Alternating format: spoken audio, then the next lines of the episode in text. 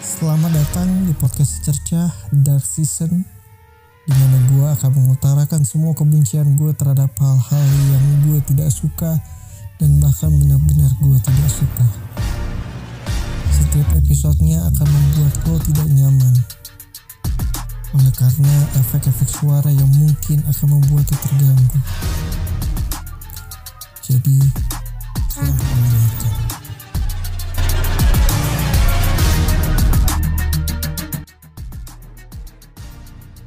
Salah satu budaya terburuk dari orang Asia adalah menjadikan seorang anak sebagai alat investasi.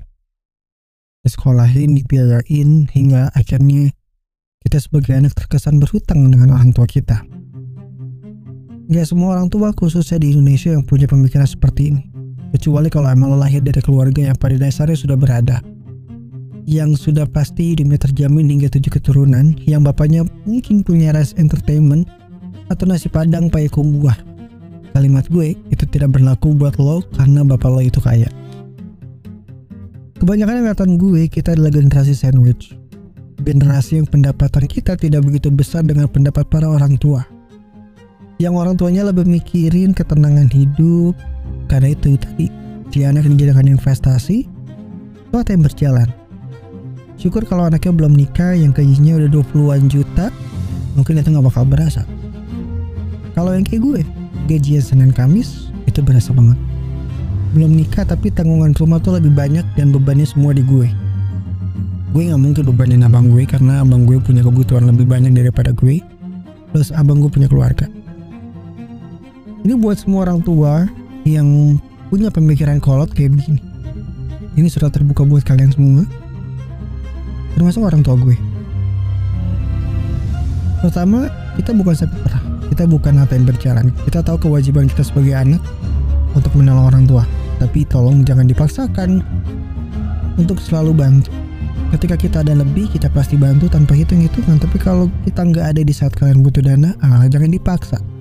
Jangan dijatuhkan mentalnya jangan dibanding-bandingkan dengan anak orang yang pendapatannya lebih banyak daripada kita. Jangan membuat kita merasa tidak berguna di mata kalian. Sekali lagi kita ingat kewajiban kita kita ingat betapa susahnya orang tua kita dan kita sangat mengerti apa yang mereka butuhkan, tapi kami mohon pengertiannya. Ini bukan masalah uang. Ini masalah mental anak kalian yang karena pada akhirnya kita tertekan oleh karena kalian. Kita mungkin gue doang bolak-balik ke psikolog ya karena mulut, mulut kalian yang seenak. Yang kedua, kami rasa kami tidak berutang apa-apa Kalian bawa kami ke dalam dunia yang kotor ini untuk jadi sampai perah kalian. Kami merasa tidak ada hubungannya dengan masalah kalian. Kalian yang bawa kami kemari, apa yang apa yang kalian lakukan untuk kami seperti menyekolahkan kami, memberi kami makan, memberi hidup yang layak, itu urusan kalian dan tanggung jawab kalian. Itu kewajiban kalian. Lalu kami, kewajiban kami menyenangkan kalian dengan kapasitas kami, dengan kemampuan kami. Jangan memaksa kami dengan kemasa kehebatan kalian di masa lampau. Kami tidak ingin hidup dalam bayang-bayang hutang kalian. Itu kewajiban kalian sebagai orang tua. Dan kami rasa kami tidak perlu membalas apa yang kalian lakukan. Cuma karena kami punya hati nurani, akal sehat dan perasaan, jadi kami punya rasa ingin membalas kebaikan kalian. Tapi balik lagi, apakah itu kewajiban kami? Tidak. Itu itu hanya sebagai bentuk ungkapan rasa terima kasih dan tahu diri kami saja. Yang ketiga, hmm, yang ketiga adalah hidup kami juga memiliki privasi yang apa ya yang harus kami jaga. Dan kami punya hak untuk menjaga privasi kami tersebut.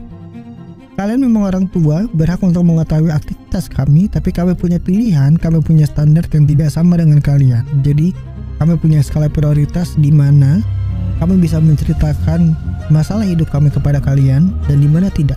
Itulah alasan kenapa kita sering berbohong karena zona privasi kita sering kali terusik oleh standar dari mata kalian kami yakin kami percaya pengalaman kalian jauh lebih di atas kami. Apa yang kalian alami juga jauh lebih pahit dari kami.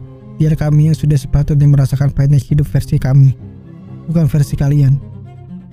Biar kami memutuskan sendiri karena penghakiman kalian mengalahkan penghakiman dari Tuhan. Kalian menghakimi kami seakan-akan generasi kami adalah generasi terburuk. Namun percayalah, banyak berandalan bahkan iblis di luar sana yang diciptakan oleh generasi kalian Mungkin apa yang kalian ajarkan baik di mata kalian tapi tidak sejalan dengan prinsip di zaman sekarang. Kami butuh kebebasan, kami anak yang merdeka. Kami tidak butuh pengakuan kalian. Kami hanya ingin tenang seperti anak-anak lain yang tidak merasakan apa yang kami rasakan. Dan gue percaya kayak kalian sebagai orang tua itu pasti selalu menang. Tapi belum tentu benar.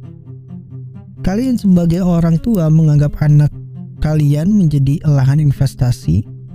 Pernah nggak mikir sakit hatinya kami, depresinya kami? Pernah nggak mikir segala perbuatan dan perkataan kalian itu menyakiti kami? Gue dan mungkin banyak anak-anak di luar sana yang masih kuat dengan sikap orang tua kita. Kita punya batas aman kesabaran. Kita depresi karena kalian, mental kami lelah dengan kalian. Kalian ngerasa nggak sih? Setiap kita nyautin omongan kalian, Fun fact-nya, kalian sakit hati. Itu terbukti kalau kalian sakit hati dengan sautan kami, berarti omongan kalian terhadap kami itu menyakitkan kami.